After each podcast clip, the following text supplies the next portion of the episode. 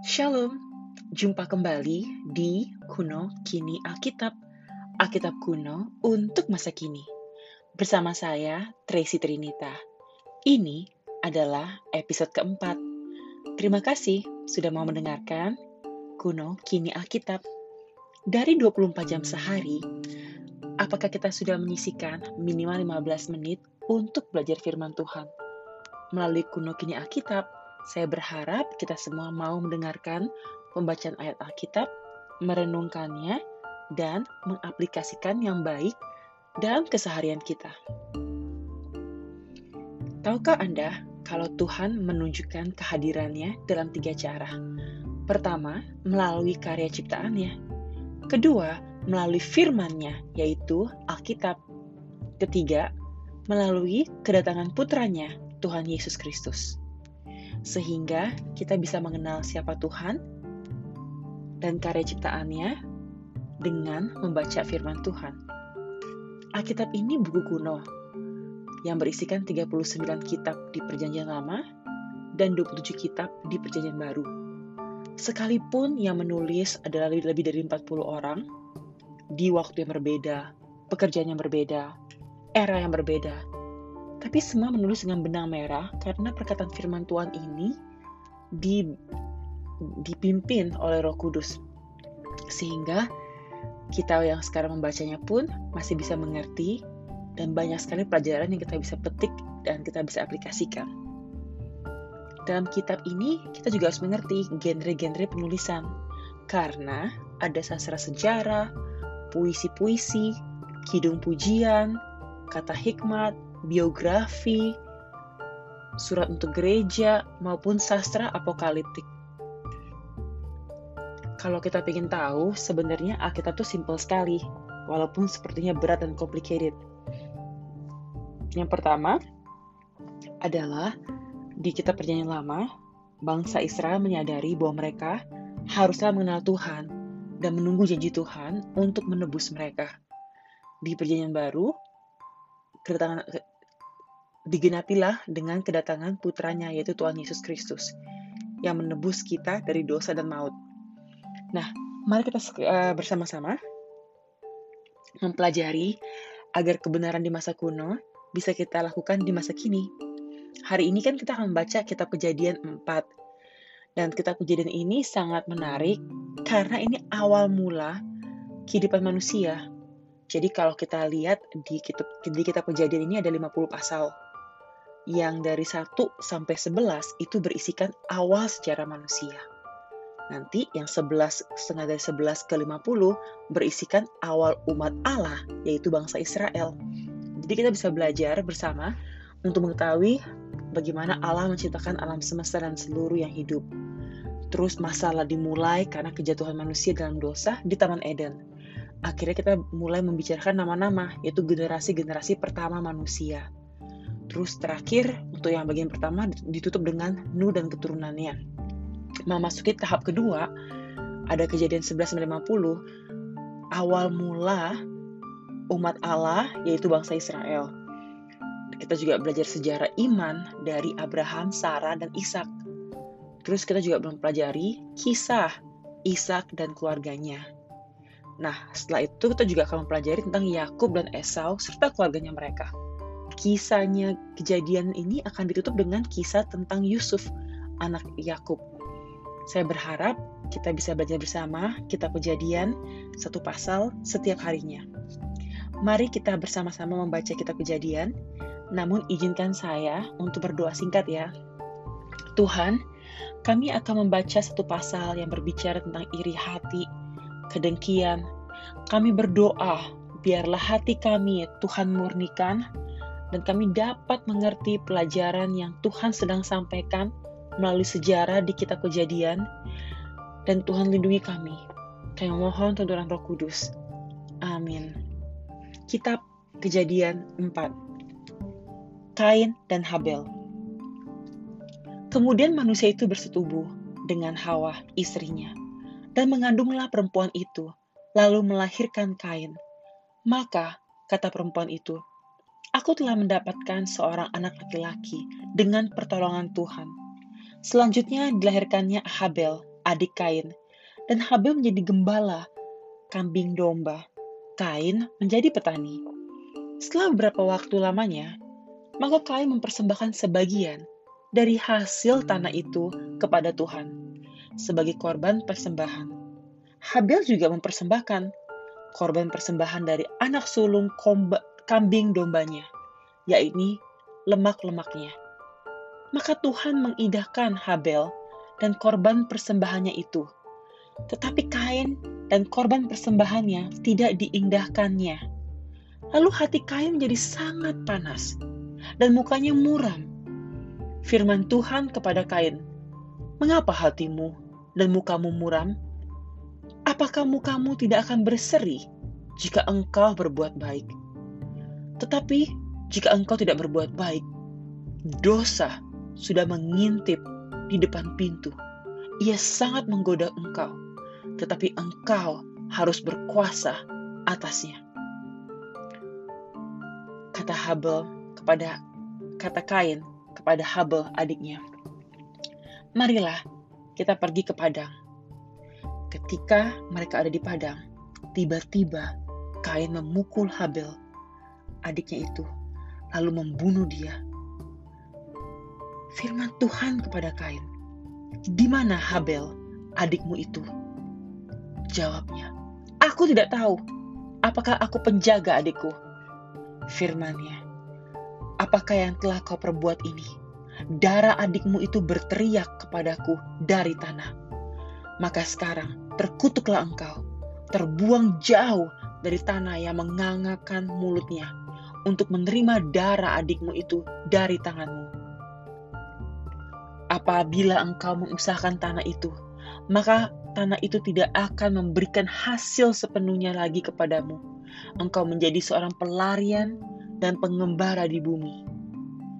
Kata Kain kepada Tuhan, hukumanku itu terlalu itu lebih berat daripada yang dapat kutanggung. Engkau menghalau aku sekarang dari tanah ini, dan aku akan tersembunyi dari dari hadapanmu. Seorang pelarian dan pengembara di bumi maka barang siapa yang akan bertemu dengan aku, tentulah akan membunuh aku. Firman Tuhan kepadanya, sekali-kali tidak. Barang siapa yang membunuh Kain, akan dibalas kepadanya tujuh kali lipat. Kemudian Tuhan menaruh tanda pada Kain, supaya ia jangan dibunuh oleh barang siapa pun yang bertemu dengan dia. Lalu Kain pergi dari hadapan Tuhan, dan ia menetap di tanah Not, di sebelah timur Eden. Keturunan Kain, Set, dan Enos. Kain bersetubuh dengan istrinya dan mengandunglah perempuan itu, lalu melahirkan Henok. Kemudian Kain mendirikan suatu kota, dan dinamainya kota itu Henok, menurut nama anaknya.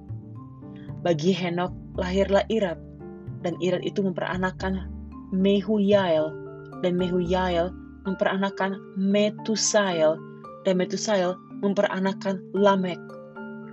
Lamek mengambil istri dua orang. Yang satu namanya Ada, yang lain Zila. Ada itu melahirkan Zabal, Yabal. Dialah yang menjadi bapak orang yang diam dalam kemah dan memelihara ternak. Nama adiknya ialah Yubal. Dialah yang menjadi bapak semua orang yang memainkan kecapi dan suling. Zila juga melahirkan anak, yaitu Tubal Kain, bapak semua tukang tembaga dan tukang besi. Adik perempuan Tubal Kain ialah Naamah. Berkatalah Lamek kepada istri kedua istrinya itu, Ada dan Zila, dengarkanlah suaraku, hai istri-istri Lamek, pasanglah telingamu kepada perkataanku. Aku telah membunuh seorang laki-laki karena ia melukai aku membunuh seorang muda karena ia memukul aku sampai bengkak. Sebab jika kain harus dibalas tujuh kali lipat, maka Lamek tujuh puluh tujuh kali lipat. Ada yang bersetubuh dengan istrinya. Lalu perempuan itu melahirkan seorang anak laki-laki dan menamainya Set.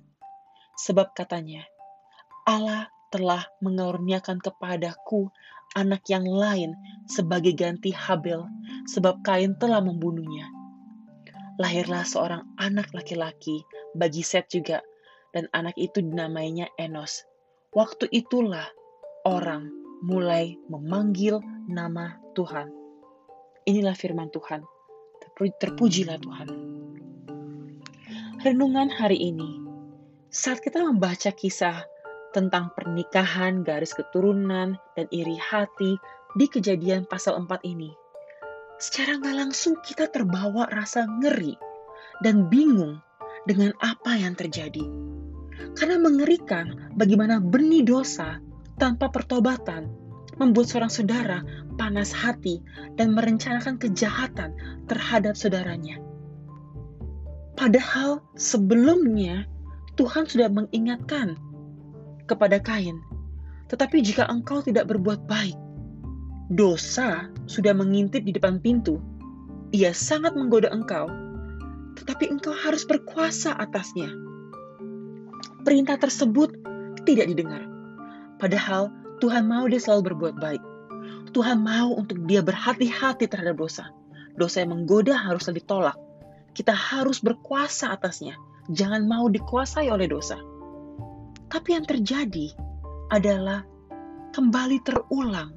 Suara Tuhan tidak didengar dan akhirnya kejahatan terjadi. Yang menarik adalah dosa pria pertama membuat pria kedua membunuh pria ketiga. Dosa Adam membuat pria kedua, yaitu Kain, membunuh pria ketiga, yaitu Habel. Iri hati sangat berbahaya. Maka itu sampai saat ini pun banyak orang yang tidak suka kepada orang yang berhasil, orang yang berbuat baik. Banyak orang jahat tidak suka kepada kebaikan. Sehingga mereka ingin mengakhiri kebaikan.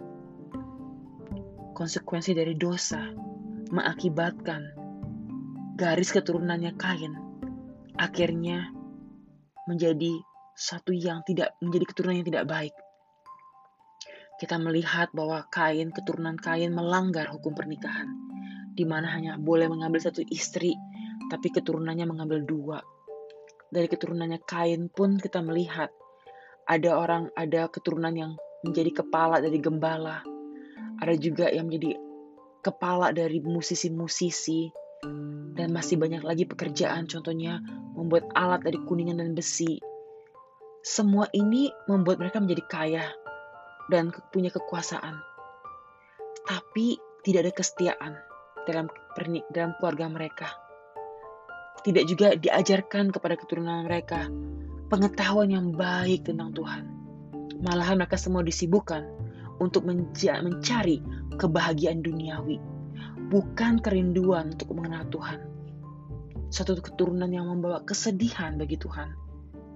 Namun terpujilah Tuhan, ada garis keturunan yang baru, yaitu garis keturunan Set, di mana keturunan orang-orang yang mencintai Tuhan.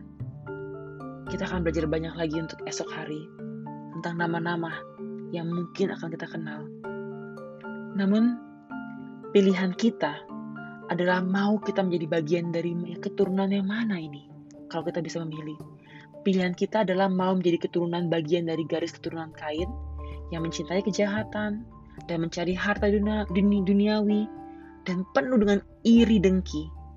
Atau keturunan Set yang mencintai Tuhan, memuja Tuhan, dan mau hidup kudus dalam Tuhan pertanyaan renungan. Apakah ada benih iri hati di hati kita? Adakah kemarahan yang terhadap seseorang yang belum kita bereskan? Kita harus berhati-hati. Kalau kita telah ditebus oleh Tuhan, kita harus sungguh-sungguh mencari Tuhan, mencintai Tuhan, dan hidup kudus dalam Tuhan. Pilihan ada di tangan saudara dan saya. Kita mau menjadi garis keturunan siapa? Kain yang hanya mencari harta duniawi atau set yang mencintai Tuhan dan mau menyembah Tuhan dalam roh dan kebenaran. Izinkan saya menutup dengan doa singkat. Terima kasih Tuhan bahwa kami telah belajar dari kisah yang sangat menarik. Kami tidak mau Tuhan digoda oleh dosa. Dosa yang mengintip di depan pintu, yang menggoda kami semua. Kami mau berkuasa atas dosa. Kami tidak mau dikuasai oleh dosa. Tuhan, ajar kepada kami Tuhan, bagaimana kami bisa mengasihi sesama kami, mengasihi Tuhan, dan hidup kudus dalam Tuhan. Terima kasih untuk firman-Mu. Bila, bila mana kami belum mengerti, kami percaya roh kudus akan mengajarkan kepada kami kebenaran firman Engkau Tuhan. Terima kasih Tuhan, kami mau belajar, dan biarlah hati kami terbuka untuk belajar firman Engkau Tuhan. Terima kasih. Dalam nama Yesus Kristus kami berdoa. Amin. Terima kasih teman-teman yang sudah mendengarkan Kuno Kini Alkitab, Alkitab kuno untuk masa kini. Senang sekali hari ini kita bisa belajar firman Tuhan, sekalipun terdengar sulit, tapi kita tahu bahwa kebenaran Tuhan akan membebaskan kita dari belenggu dosa. Saya berharap bisa berjumpa lagi dengan saudara esok hari. Tuhan berkati. Shalom.